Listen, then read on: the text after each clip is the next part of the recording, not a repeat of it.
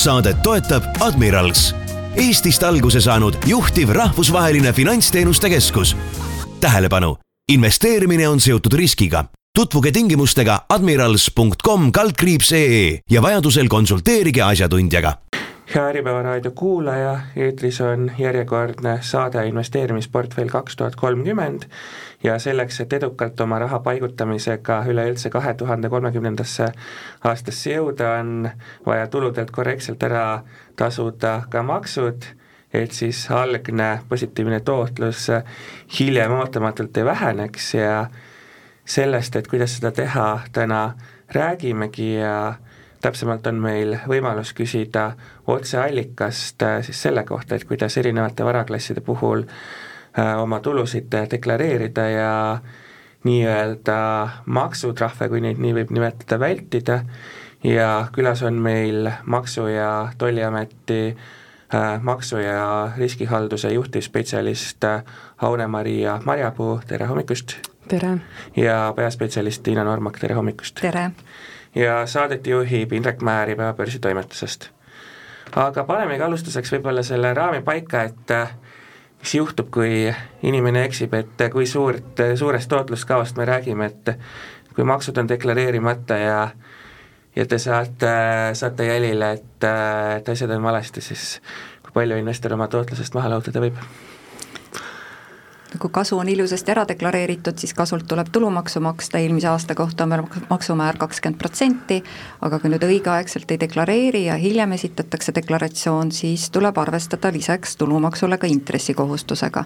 ja intressikohustus on kõrge, null koma null kuus protsenti päevas, mis teeb siis kakskümmend üks koma üheksa protsenti juba aastas jah, ja võib-olla nii-öelda siis see pool, mida siis otse ka rahasse panna ei saa, on siis see, et ikkagi kui äh, tuleb eraldi äh, koputus või kiri Maksu- ja Tolliametilt, et eks siis on ka natukene niisugust närvikõdi ka sinna juurde, mis võib-olla siis kogu seda nagu investori enda tavapäeva võib-olla siis rohkem ka mõjutab, et see oleks just see aeg, kus tegelikult võiks siis tegeleda erinevate äh, varaklasside või siis ka näiteks Äripäeva mingite lugude lugemisega, et olla kursis kõikide nii-öelda investeerimismaailmas toimuvate uuendustega, lahendustega, aga et kui siis tuleb mm. hoopis kiri Maksu- ja Tolliametist, et siis läheb aeg ja ressurss ka sinna juurde mis äh, sel aastal teisiti on kui aasta varem, et kõik inimesed, kes on äh, ongi võib-olla korrektselt tasunud, et mida nad see aasta peaksid eriti hoolikalt silmas pidama või teistmoodi tegema? no investeerimistulude osas ju muudatusi ei ole mm, -hmm. et investeerimistulude osas on ikka see endine sõnum, et inimene vaatab korralikult oma tehtud tehingud üle, vaatab eelnevatel aastatel võib-olla deklareeritud andmed üle, mis puudutab just investeerimiskontot, ja et ka tuludeklaratsiooni esitamisel mitte kiirustada, vaadata üle, mis andmed on eeltäidetud, mis andmed on endal inimesel teada ja, ja muudatusi tõesti jah, siin ei ole mm. -hmm inimesi huvitab kindlasti, alustame võib-olla sellest, et et kuidas äh, raha tagasi saada, ehk siis äh, üks kuum kartul, mis siin on äh, veerenud läbi Riigikogu ja valitsuse ja nii edasi, on eluasemelaenu intressid, et see aasta veel saab, hiljem enam ei saa. ja kaks tuhat kakskümmend kolm on viimane aasta, kus siis on võimalik veel pangast saata meile aruanne eluasemelaenu intresside kohta ja kolmesaja euro ulatuses siis neid maha arvata oma maksustatavast tulust. ja viimast aastat on ka siis laste eest võimalik maha arvata täiendav maksuvaba tulu ja ka abikaasa eest, aga see on siis olukordades, kus ühel abikaasal on maksustatav tulu väga väike või maksustatavat tulu üldse ei ole saan ma õigesti aru, et ka abikaasa ja laste eest äh, mahaarvamine on viimast korda? jah, see on viimast korda nüüd kahekümne kolmandal aastal, et järgmisel aastal, kui me juba esitame tuludeklaratsiooni kahekümne neljanda aasta kohta, siis neid mahaarvamise võimalusi ei ole. küll aga jäävad siis võimalused maha arvata teise ja kolmanda samba sissemaksete. koolituskulud ja annetused? jäävad, jaa ja.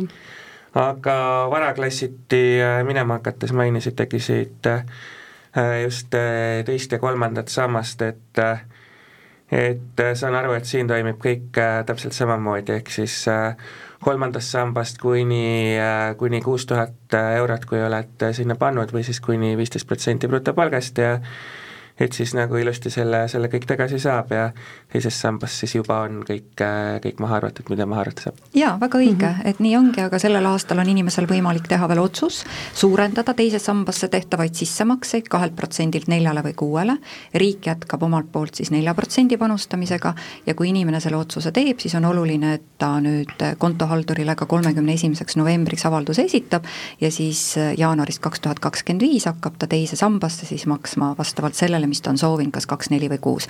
kui inimene seda avaldust ei esita, siis automaatselt on, äh, jätkatakse kahe protsendi maksmist. noh, nende inimeste puhul, kes siis on teise sambaga liitunud. ehk siis süsteem on see, et kui näiteks inimene soovibki oma palga pealt maksukoormust nii-öelda siis optimeerida, et siis tõsta kuue protsendi peale, et siis kõigepealt sinu brutopalgast makstakse mm -hmm. ära see pensionimakse ja siis hakatakse makse võtma? jaa, mm, väga õige, et pensionimakse läheb brutopalga pealt teise sambasse ja siis tulumaksuga maksustatakse see summa, mis on juba vähendatud selle teise samba kogumispensionimakse võrra mm. -hmm. et jah, see võimaldab siis raha paigutada nagu rohkem teise sambasse inimesed on äh, hoogsalt kasutanud võimalust tõenäoliselt paigutada raha kõrg, kõrgeks siin nimetada, aga niisuguse täiesti arvestatava intressiga hoiustele, et kas need tuleb ka kuidagi deklareerida või ootab siit äh, ootamatult maksukohustus, kui midagi, mingi linnukese tegemata jätad kuskile? Äh, jah, see on nii, et kui raha paigutada pangahoiusesse, tähtajalise pangahoiusesse, siis eelmisel aastal pangad äh, paks, pakkusid head intressi, et kuni neli pool protsenti aasta intressi ja nüüd inimene siis raha hoiusesse paigutamisel oli tal võimalik nilnukesega ära märkida, kas ta tegi seda investeerimiskonto kaudu või nii-öelda oma tavakontolt, oma pangakontolt, kus ta siis tasub oma igapäevaseid kulutusi. ja kui pangad maksavad nüüd intressi välja inimese tavakontole, siis nad peavad tulumaksu kinni ja inimesel ei ole põhjust muretsemiseks, sest need andmed on kõik inimesel tuludeklaratsioonis juba eeltäidetud, aga kui inimene on nüüd pangas ära tähistanud, et ta paigutab raha pangahoiusesse läbi investeerimiskonto, siis peab see intressitulu ka sinna investeerimiskontole laekuma, ehk see hoius peab ka olema tehtud tegelikult investeerimiskonto kaudu ja siis see raha laekub investeerimiskontole, sellelt intressilt hetkel tulumaksu kinni ei peeta, aga see ei tähenda nüüd päris maksuvabastust intressitulule, vaid see tähendab, et äh, see tulu maksustatakse edaspidi juba investeerimiskonto süsteemis investeerimiskonto reeglite alusel.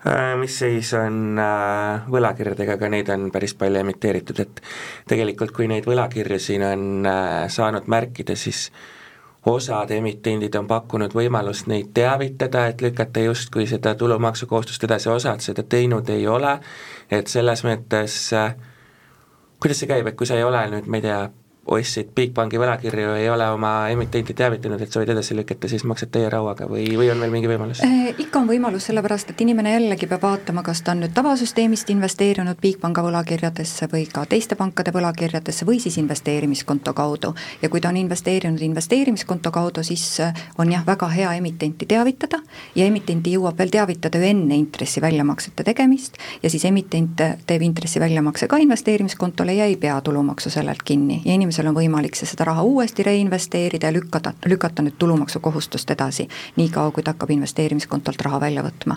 aga kui nüüd on tulumaks juba kinni peetud, siis kindlasti need summad ära näidata investeerimiskonto sissemaksena, sest et need suurendavad ju seda maksuvabastuse jääki ja siis tulevikus on inimesel võimalik selles ulatuses ka maksuvabalt raha välja võtta, et ei teki sellist topeltmaksustamist lihtsalt äh, testi mõttes, et kui palju on täna neid inimesi, kes veel ei tea, mis asi on investeerimiskonto, ehk siis teie andmetel, kui palju inimesi deklareerijaid kasutab investeerimiskontot ja kui palju ikkagi on neid, kes teevad neid tavakontolt ja peavad kõik need äh, tehingud nagu eraldi kirja panema ja nii edasi? no investeerimiskonto kasutajate arv on meid rõõmustanud, sest aastal kaks tuhat kakskümmend oli umbes kaheksateist tuhat inimest, kes investeerimiskonto meile deklareeris, aastal kaks tuhat kakskümmend kaks oli see arv juba kasvanud neljakümne kaheksale tuhandele, kindlasti aitas siin kaasa ka kakskümmend üks toimunud pensionireform, kus inimesed võib-olla võtsid teisest sambast raha välja ja asusid ise investeerima, ja ka need summad, mis siis on investeerimiskonto kaudu teenitud ega välja võetud, ehk et millelt on tulumaks makstud, on kasvanud, et aastal kaks tuhat kakskümmend kaks kaks oli see suurusjärgus üksteist miljonit. Ja tavasüsteemis kasutajaid on ka selles mõttes palju, et Nasdaq Balti börs saadab meile andmed eeltäitmiseks, et nende aktsiate tehingute osas või väärtpaberite tehingute osas, mis on Tallinn, Vilnius, Riia börsidel tehtud. Ja seal on umbes kolmkümmend tuhat inimest neid tehinguid teinud ja tehingute suurusjärk jääb siis nelisada kuuskümmend tuhat tehingut umbes nii et inimesed kasutavad nii ühte kui teist ja võib-olla see sõnum ka, et tegelikult inimene võibki kasutada nii tavasüsteemi kui investeerimiskonto süsteemi paralleelselt. sest investeerimiskonto puhul on ju see, et äh, see investeeringute äh, finants, see peab olema finantsvara, ehk see peab olema avalikult kaubeldav ja seal on teatud piirangud, nii et tavakontosüsteemi kohta, kuna ise olen kunagi ammu-ammu ka selle vea teinud, et siis küsin kohe üle, et äh, kas jätkuvalt kehtib nii see, et teile saadetakse deklaratsioonile eeltäitmiseks äh, äh, ainult müügihinnad ja soetusmaksumused peab äh, ise lisama, muidu maksate eraga. väga õige, et see on väga õige tähelepanek, meile saadetakse andmed selle väärtpaberi kohta, selle väärtpaberi isinkoodid ja ka müügihinnad, aga inimesel tuleb kindlasti üle vaadata ja soetusmaksumus lisada, või siis kui need aktsiad või väärtpaberid on ostetud investeerimiskonto kaudu, siis lihtsalt eeltäidetud andmed kustutada need, kes võib-olla praegu alles selle avastavad, et eelnevatel aastatel on soetusmaksumus deklareerimata jäänud, kas seda saab kuidagi tagantjärgi parandada ka või, või on raha lootusetult läinud? ei, lootusetult läinud ei ole, võimalus on tagantjärgi parandada kolm aastat, nii et kui täna veel avastatakse, et midagi on deklareerimata, siis saab minna ja äh, parandada neid andmeid siis kaks tuhat kakskümmend äh, kaks aasta deklaratsioonis, kakskümmend üks ja kakskümmend. et kaks tuhat üheksateist on see, mida siis enam nii-öelda parandama minna ei saa. Aga sellega on õnneks nii, et äh, kuna maksuteade tuleb ju esimeseks oktoobriks, et kui inimene on nüüd kogemata unustanud selle soetamismaksumuse kirja panemata, siis kui ta selle maksuteate saab oktoobris, siis ta võtab ikka meiega juba ühendust, sest see mhm. tulumaksusumma summa siis ehmatab lihtsalt. või siis on ka noh, see mhm. variant, et kuna äh, tuludeklaratsiooni alusel loetakse kokku nii-öelda kogu su maksukohustus tekib äh, alles siis, kui sa oled kogu deklaratsiooni ära esitanud, et võib ka tekkida olukord, kus näiteks ei olegi mingisugust maksukohustust, sest inimesel näiteks ei tekigi seda kogu deklaratsiooni ulatuses, aga tõesti tasuks siis üle vaadata, et äkki näiteks äh, on jäänud ikkagi see soetusmaksumus või, äh, või mingisugused kulud sinna märkimata, mis siis võib-olla just suurendaks seda tagasisaadavat summat, et äh, ta tasuks ikkagi üle vaadata, et ka siis, kui meie näiteks ise ei teavita täiendavat inimest sellel teemal. et see on meie sõnum ka kõikidele investoritele, et kui nad tulevad meie juurde tabelit kuus-viis nii-öelda investeerimiskonto tabelit täitma, siis nad saadavad ju Eesti pankadest aruanded ette mm, -hmm. Eesti pangad ju teevad need aruanded väga põhjalikud, et siis ikkagi see tabel kuus-üks ka üle vaadata, kus võivad olla NASDAQ eeltäidetud andmed ja kustutada. et kõikide nende investeeringute deklareerimisega ongi nii, et pigem võtta see aeg, vaadata üle kontrollida igaks juhuks ka ja siis kinnitada oma tuludeklaratsioon. jah, et võib-olla kuna see investeerimine on täna läinud nagu nii palju populaarseks, et võib-olla on tegelikult hea nagu märk selle aasta deklaratsiooni, deklareerimise perioodiks, et võib-olla niisugune, et alustame sellest, et ärme tee seda deklaratsiooni niisugune kahe klikiga niimoodi, et mida kiiremini, seda uhkem mm. -hmm. et võib-olla tõesti soovitaksime siis sellel aastal ikkagi, et nagu mõelge läbi, kus te olete investeerinud, millistesse varaklassidesse, vaadake kas või korra sisse kõikidele nendele tabelitele, et võib-olla tõesti oleks see kokkuvõttes palju mõistlikum, nagu investorile endale ka, et äh, teada, mis seal deklaratsioonil on, mitte teha seda võimalikult äh, kiiresti. investeerimiskonto puhul äh, markeeriks veel ära, et mainisite, et intressitulud sissemakseteks deklareerite, saan aru, et kõik dividendid samamoodi? jah, dividendid, mis on äh, maksustatud, need on siis äh, investeerimiskonto raporti mõttes sissemakse ja kui need on siis ka ilusti deklareeritud, need on siis ka inimene näeb enda tuludeklaratsioonil ja sellisel juhul neid ei tohi ka sealt ära kustutada. et need on nii deklareeritud kui ka siis investeerimiskonto raporti mõttes sissemakse. Ehk siis maksustatud, et äh, kui näiteks võtamegi võrdluseks Tallinna börs, mis on netodividend, ma ei tea, USA-s saad brutodividendi, äh, mis vahe neil deklareerimisel selles mõttes on? Äh, Tallinna börsilt kõik äh, nii-öelda dividendid, mis on siis saadud, on inimesel juba siis tuludeklaratsioonil eeltäidetud, et see on ka juba nii-öelda mõned aastad kestnud arvestus, et mingid dividendid on eeltäidetud siis ühes tabelis, viis üks, ja mingid on siis täidetud seitse üks. et selles osas ei saa nüüd investor ise kaasa rääkida, need, mis on siis viis üks tabelis täidetud, need on siis maksustatud ka siis seitsmeprotsendilise kinnipeetud tulumaksuga. kõik need, mis on siis seitse üks tabelis, et need on siis juba ettevõtte tasandil maksustatud. ja need kõik äh, dividendid tuleb siis näidata investeerimiskonto raportis ka siis sissemaksena, sest nad on tõesti juba ka äh, Fidekil eeltäidetud ja nad on siis ka sissemakse. nüüd äh, välisriigi dividendide puhul on siis oluline see, et kas nad ongi, kui nad on maksustatud, siis nad kehtivad samasuguse loogikaga, et nad peavad olema siis investeerimiskonto raporti mõttes sissemakse, suurendavad siis seda edasikantavat summat, mille arvel on siis võimalus võtta tulevikus siis nii-öelda investeerimiskontolt raha välja ja lisaks peavad nad siis olema ka täidetud siis äh, deklaratsioonil äh, samamoodi siis äh, kaheksa, kaheksa, kaheksa tabelis siis, kus on kogu see välisriigi dividenditulu. ehk siis kui nüüd püüda lihtsustada, kas ma saan õigesti aru, et et seda viiendat osa ärge näppige, see kõik, mis on seitsmendal osal kirjas, need peab igal juhul minema ja eraldi panema siis sinna investeerimiskonto sissemakse vormi siis jah, just, et nad oleksid ikkagi investeerimiskonto raportis sissemakse ja need on siis seitse üks ja nad ka juba eeltäidetud. see on inimese enda huvides, sellepärast mm -hmm. et see suurendab ju tema maksuvabastuse mhm. jääki, mida mm -hmm. ta mhm. kannab järgnevatel aastatel edasi ja nii ei lähe see summa topeltmaksustamise alla. just äh,. Lastele investeerimisest ka natuke, et äh, lastele investeerimiskontosid äh, avatakse, mida seal peab äh, peab silmas pidama, mille poolest see nii-öelda tavalisest investeerimiskontost erineb? üldiselt on laste puhul kõik täpselt samamoodi nagu täiskasvanud inimeste puhul, mis nüüd puudutab maksustamist. et sellisel juhul ei ole siin lastele mingeid erinevaid äh, nõudeid ette nähtud, kui lapsevanem teeb lapse kohta siis äh, investeerimiskonto, siis peab olema lapsevanem ikkagi hoidma silmas, pidama silmas seda, et igal aastal siis ilusti see raport saadetakse Maksuametisse ja tuleb siis minna ja esitada iga aasta siis ka lapse kohta tuludeklaratsioon. Äh, kui laps laps teenib mingit tulu, äh, siis äh, see ka vähendab siis lapsevanemal äh, täiendavat mahaarvamist. et see pool tuleb pigem vaadata siis lapsevanemal üle, et esialgu tuleks alustada deklareerimist siis lapse nii-öelda tulude osas, minna esitada kõigepealt lapse deklaratsioon ja alles siis, kui lapse deklaratsioon on esitatud, siis järgmisena tuleb tulla ja vaadata üle iseenda deklaratsioon ja kõige lõpus siis on, on üheksandas plokis on siis üheksa punkt seitse on siis lapsevanema nii-öelda lapse kohta täiendav maksuvaba tulu, et ka see osa tuleb üle üle vaadata, et kui laps teenib tulu, siis see vähendab lapsevanemal täiendavat mahaarvamist. siit tekib kohe ka küsimus, et kui saate alguses mainisite, et järgmisest aastast enam lapse ja abikaasade äh, tulusid ei saa maha arvata, kas siis järgmisest aastast tähendab see ühtlasi ka seda, et kui laps teenib tulu, siis vanema maksuvabastus väheneb? E-, ei, järgmisel aastal enam seda ei ole, et siis on lapse deklaratsioon eraldi, ka praegu on nii, et laps saab oma deklareerimisele kuuluvaid andmeid vaadata, aga tuludeklaratsiooni peab ikkagi kinnitama lapsevanem, kui on alaealine laps.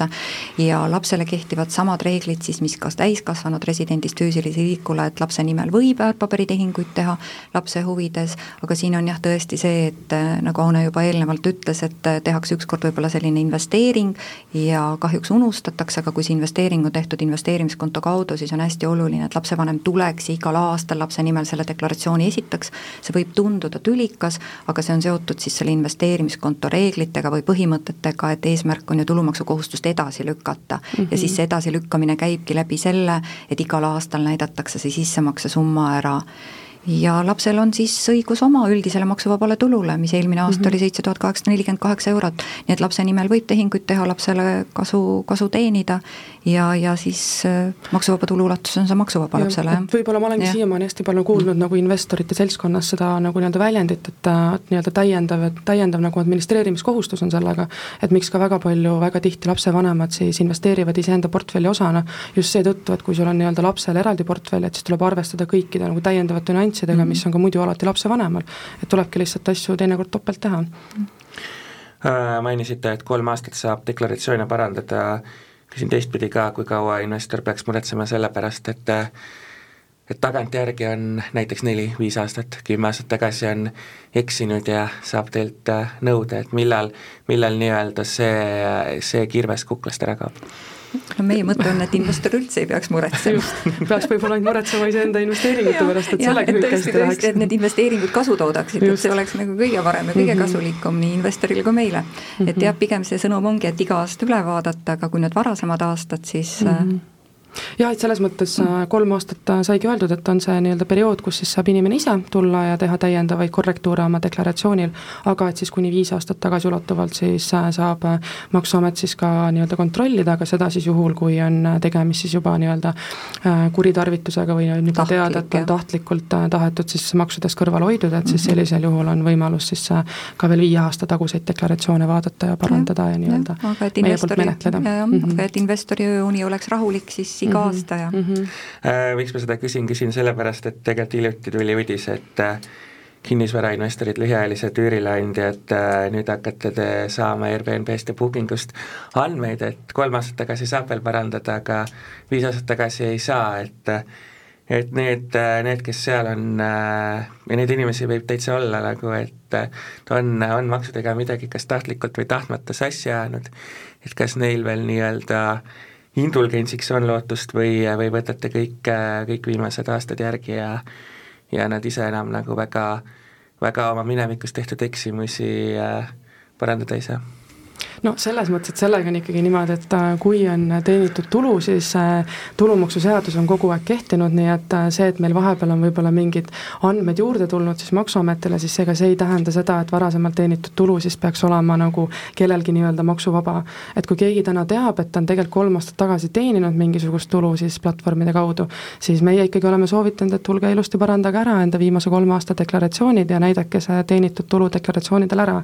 et see nii-öelda viie aasta tagune parandamise võimalus või äh, nii-öelda sekkumise võimalus on pigem nagu äh, asutuse poole pealt, et juhul, kui siis äh, juba nagu meil nii-öelda tekib põhjendatud kahtlus võtta näiteks investoriga ise ühendust aga jah, praegu me ütleksime küll, et kui ikkagi kolm aastat tagasi teenisite tulu ja te teate seda, et te teenisite, aga et te teate ka, et see on deklareerimata, et siis meie soovitame alati, et vaadake ikkagi, ikkagi üle need deklaratsioonid. jah, ja üüritulu deklareerimine on tegelikult ju aastast aastasse paranenud, aga siin on tõesti see oluline vahe, et kui inimene annab nüüd eluruumi üürile pikaaegse lepingu alusel, siis üüritulust on inimesel õigus ka tuludeklaratsiooni alusel ju kakskümmend protsenti maha arvata, selleks ei pea olema mingeid kuludokumente, see mahaarvamine toimub automaatselt, aga kui on nüüd nii-öelda majutusteenuse pakkumine, kas Airbnb või Booking.com'i kaudu, siis äh, sellele üüritulule seda soodustust, maksusoodustust me ei kohalda ja tõesti, need üüritulud peab siis inimene kõik ise tuludeklaratsiooni lisama ja nende alusel tulumaksu ära maksma. ja selle platvormi haldurite infovahetusega. Me saame nüüd esimest aastat need andmed ja neid andmeid me veel ei jõua sel aastal eeltäita, aga kindlasti teeme me sealt mingi järelkontrolli, mis andmeid me oleme saanud, mis andmeid inimesed on ise endal tuludeklaratsioonis ära deklareerinud. Ja sel aastal on meil ka selline kampaania, mis on suunatud just noorematele inimestele, et nooremad inimesed harjuksid, võib-olla kui nad lisatulu teenivad, kohe ka seda tulu korrektselt deklareerima, et ei oleks põhjust muretseda kolme-nelja-viieaastaste taguste tehingute pärast, et, et kõik need tiktokkerid, Youtube erid, freelancer'id, kes mingit tulu erinevatel platvormidel teenivad, et, et siis nad selle tulu meile ära deklareeriksid ja kui nüüd see platvorm on ka nende kohta andmed saatnud, siis meie saame võrrelda, et kõik on korras ja inimesel ei ole mhm. mingit põhjust põhjust muretsemiseks mm. -hmm. Kas äh, on äh, maksumaksja seisukohast selles mõttes vahe ka, et et kas ta tuleb, äh, tunnistab oma kolme aasta taguse patu ise üles või teie, teie avastate, et kui ta tuleb, tunnistab ise üles, kas ta saab siis intressis mingit soodustust ka või, või tegelikult vahet ei ole? Ei, selles mõttes äh, intressisoodustust on sellises asjas ette nähtud ei ole, et äh, ikkagi eeskätt paneme ikkagi äh, inimestele endale südamele, et kui investeerite, et siis lihtsalt on loomulik ja loogiline, et kui teenitakse selle pealt kasu, siis kuulub see siiski ikkagi nagu tulumaksuga maksustamisele. et pigem võib-olla hoiame siis seda poolt, et mida vähem on, on vaja siis Maksuametil endal sinna juurde sekkuda, et seda nagu parem ja lihtsam on investorile see ka endale. ja, ja eks me omalt poolt pakume ka neid lihtsustusi, et inimesel oleksid tulud juba jooksvalt korrektselt täpselt täid-, äh, maksustatud, et ettevõtluskonto on ju siin hea mm -hmm, näide, et just. lisatulu teenimiseks, et kes nüüd erakliendilt, erakliendile ütleme, osutavad teenust, siis see ettevõtluskonto see on LHV Panga teenus, nemad pakuvad seda, et see on ka ju kogu aeg iga aasta meil kahe korra suurendanud mm, -hmm. nii kasutajate, aktiivsete kasutajate arv on juba üle viieteistkümne tuhande mhm. inimese mm -hmm. ja see tulu, mis sinna laekub. ja aga... mingil hetkel me isegi vaatasime ka, et sinna tegelikult sellest ajast saati, kui see nii-öelda süsteem loodi, et sinna oli laekunud vist kas circa mingi viisteist miljonit eurot maksutulu kogu selle aja jooksul, kui seda nagu süsteemi on saanud kasutada. et kui vanasti ei olnudki sellist varianti, et kui füüsiline isik kellelegi teisele midagi teenust noh, pakub või, või mis iganes iganes teeb, on ju.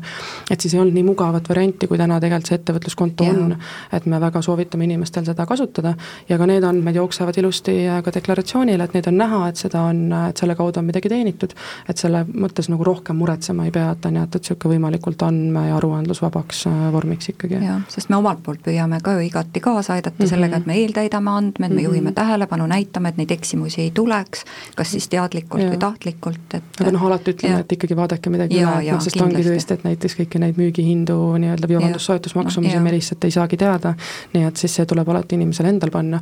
ja võib-olla, kui me natuke otsapidi siia deklareerimise hulka hüppasime, et mm -hmm. siis mhm. ma võib-olla täiendan ka selle, et kui inimesel ongi see äh, nii-öelda üüritulu siis, mida ta ise teenib, et see kahekümneprotsendiline vabastus, millest Tiina just rääkis, et sellega tavaliselt, mida küsitakse tihti, on see, et kas siis tuleb deklareerida juba niimoodi, et arvestad ise selle kakskümmend protsenti maha või pead panema kogu üüritulu.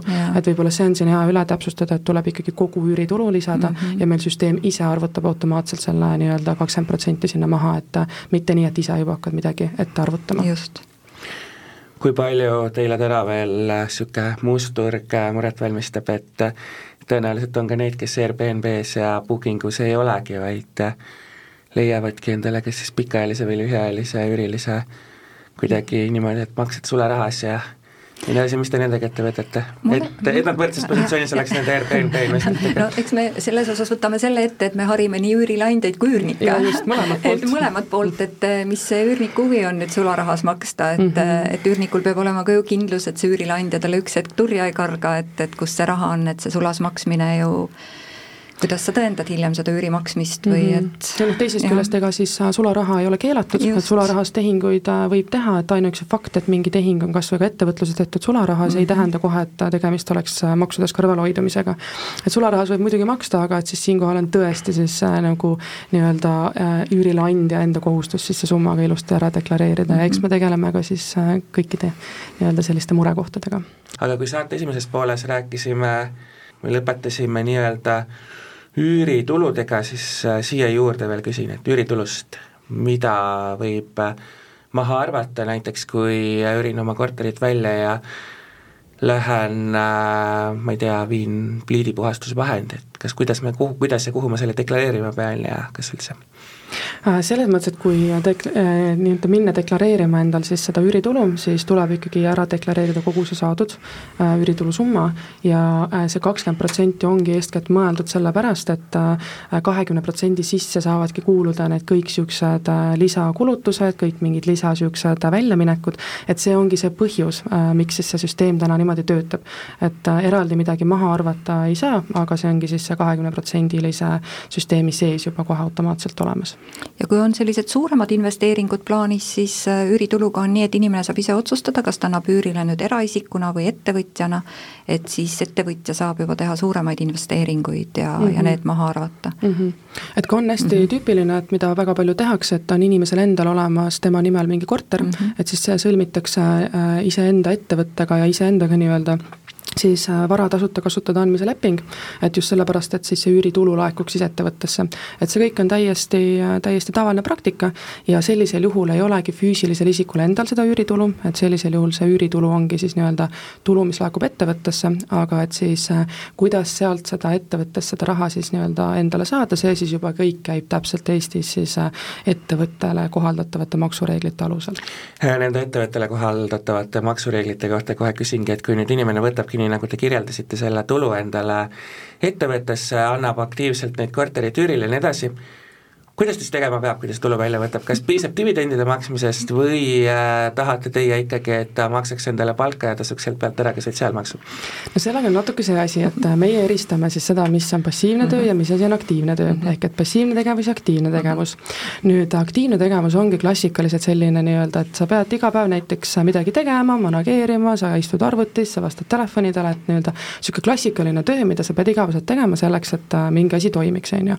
ja passiivne nagu nii-öelda töö või, või tegevus, siis sinna kõrvale ongi näiteks see, et ma annan korteri üürile, üürile ja tegelikult unustan ta ära mm. -hmm. või et ma lähen äh, siis äh, ostan mingisuguseid aktsiaid ja ma unustan need sinna pangakontole või noh, siis väärtpaberikontole lihtsalt istuma ja ootangi mingisugust üüritulu või see, vabandust, mingisugust intressi või siis dividenditulu, et see on pigem nagu niisugune passiivne pool. ehk et esialgu tulekski mõelda, et mis siis selle nagu ettevõtte tegevus on ja mida siis see inimene seal esialgu ise teeb selles ettevõttes. et kui on ikkagi niisugune, et tema igapäevane töö on niisugune aktiivne töö, ta igapäevaselt kulutab enda nii-öelda aega ja ressurssi sellele, et kogu see näiteks kas või siis tõesti korterite väljaüürimise nagu ettevõte tal toimiks, et siis sellisel juhul on ikkagi tegemist klassikalise palgatööga, nii et ja sellisel juhul me ikkagi ootame sealt pealt seda sotsiaalmaksu tasumist samamoodi. ja sektori keskmise järgi peaks siis palka maksma, ma saan aru? no palga maksmine on jah, niisugune, et meil on tõesti, väga hästi olete kursis, et meil on kodulehel olemas niisugune tabel, kus ongi sektori keskmised palgad, et on niisugune indikatiivne äh, nii-öelda valdkondlik sektori palk, millest on hea tegelikult nii-öelda juhinduda ja järelduda. et äh, kui see nii-öelda töötasu jääb väga palju või oluliselt allapoole seda nii-öelda siis sektoris välja makstavat palka, et siis jah, võib tekkida teatud põhjendatud ootus, et et ka meie siis küsime, et mis on siis nii-öelda selle inimese motivatsioon ja motiiv siis sellise oluliselt madalama palga eest siis sedasama tööd näiteks teha.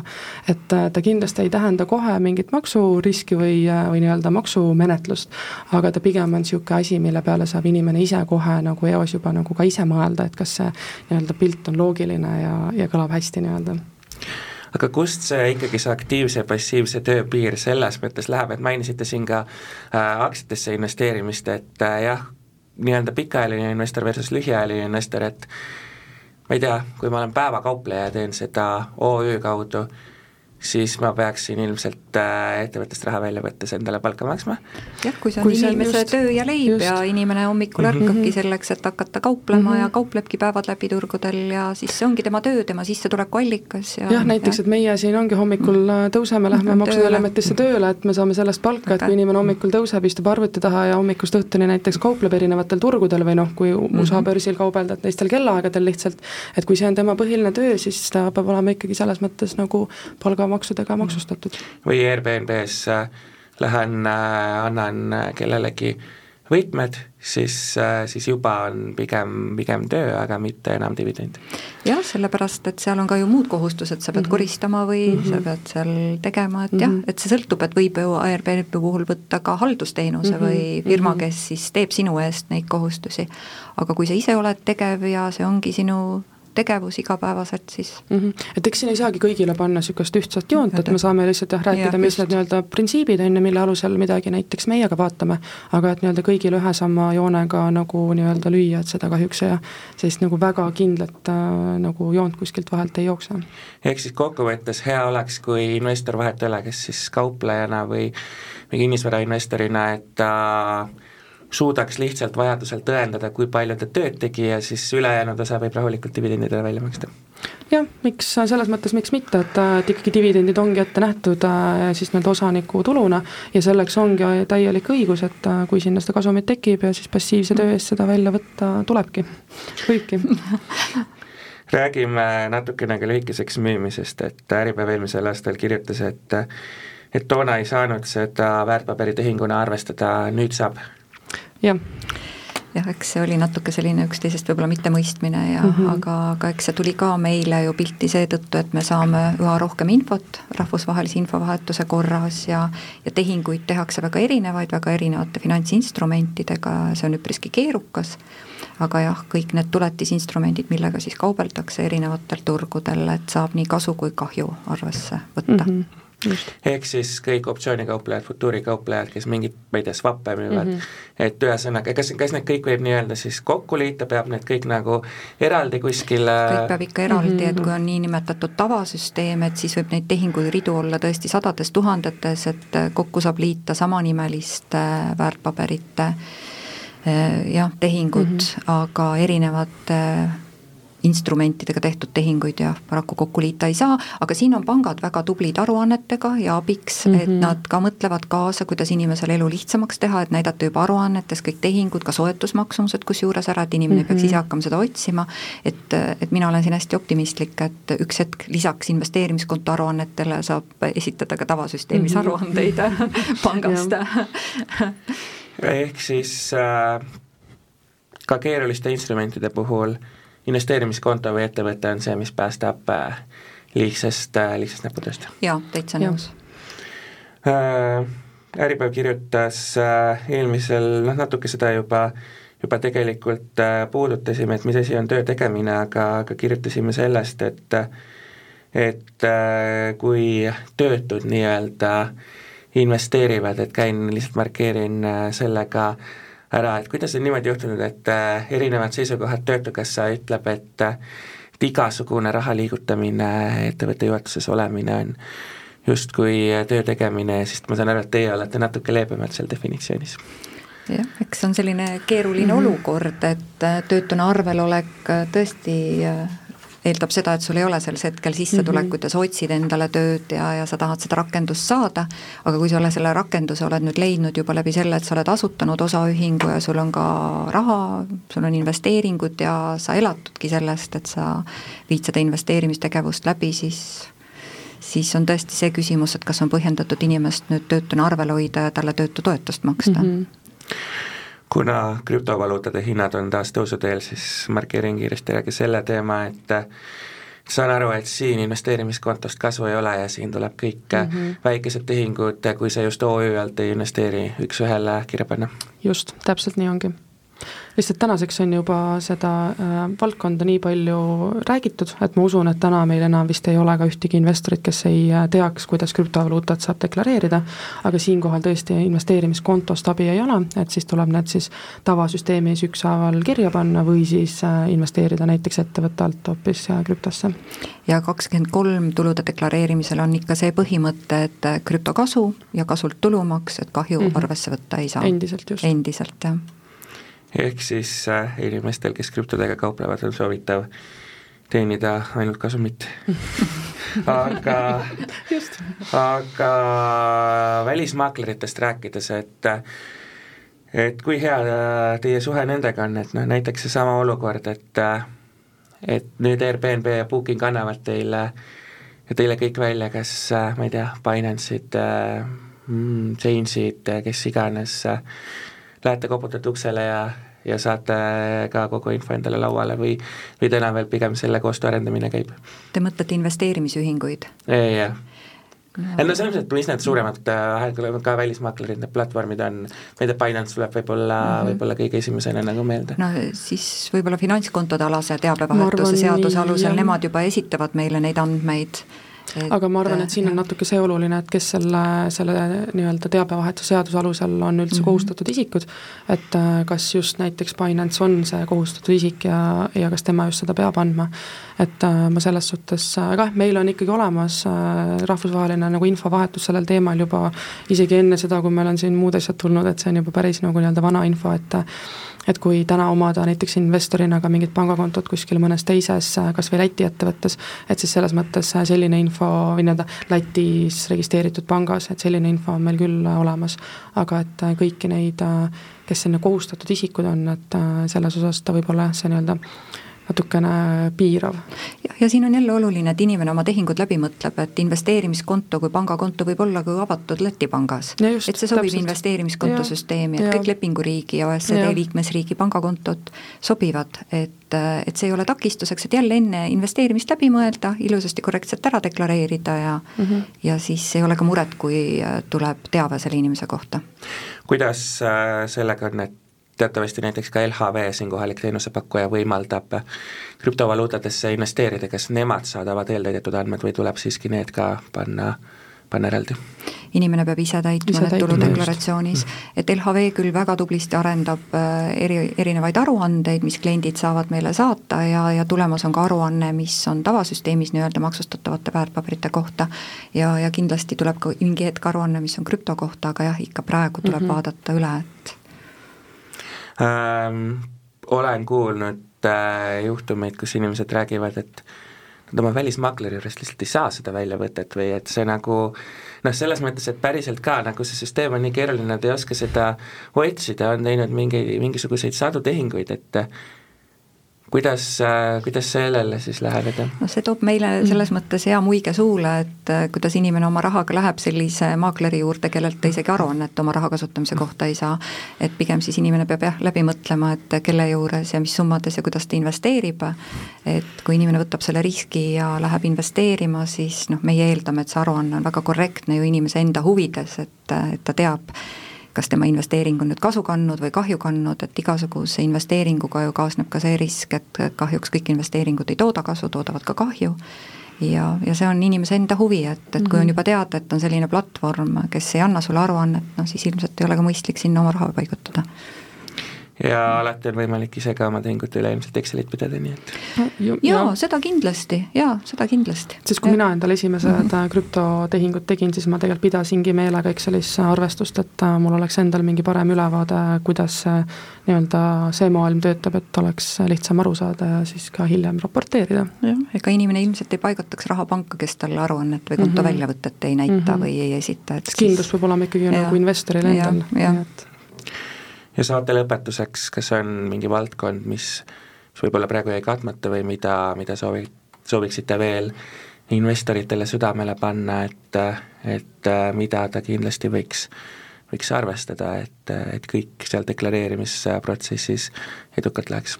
ega meie sõnum ongi, et mitte kiirustada tuludeklaratsiooni mm -hmm. esitamisega, vaadata tuludeklaratsioonis eeltäidetud andmed üle mm -hmm. ja väärtpaberitehingute puhul siis NASDAQ eeltäidetud andmed, et kui on tehtud investeerimiskonto kaudu, lihtsalt kustutada, kui on tavasüsteemis, markida kindlasti soetamismaksumus ja ka see, et äh, pankades need aruannete saatmised, aruannete andmete kandmised tuludeklaratsioonile, et jah, lihtsalt üle vaadata, et ei tekiks neid olukordi, et siis hiljem peab minema parandama või tulevad mingid vead sisse ja, ja mina võib-olla -hmm. ütleksin selle lõpetuseks äh, selle mõtte, mida me tegelikult Tiinaga siin mm -hmm. üks mhm. päev ka äh, kontoris arutasime, et äh, tihti inimesed nagu hakkavadki niipidi mõtlema, et kui tuleb küsimus, et nüüd saab hakata saatma pangas siis kodulaenu intresse mm -hmm. deklaratsioonile.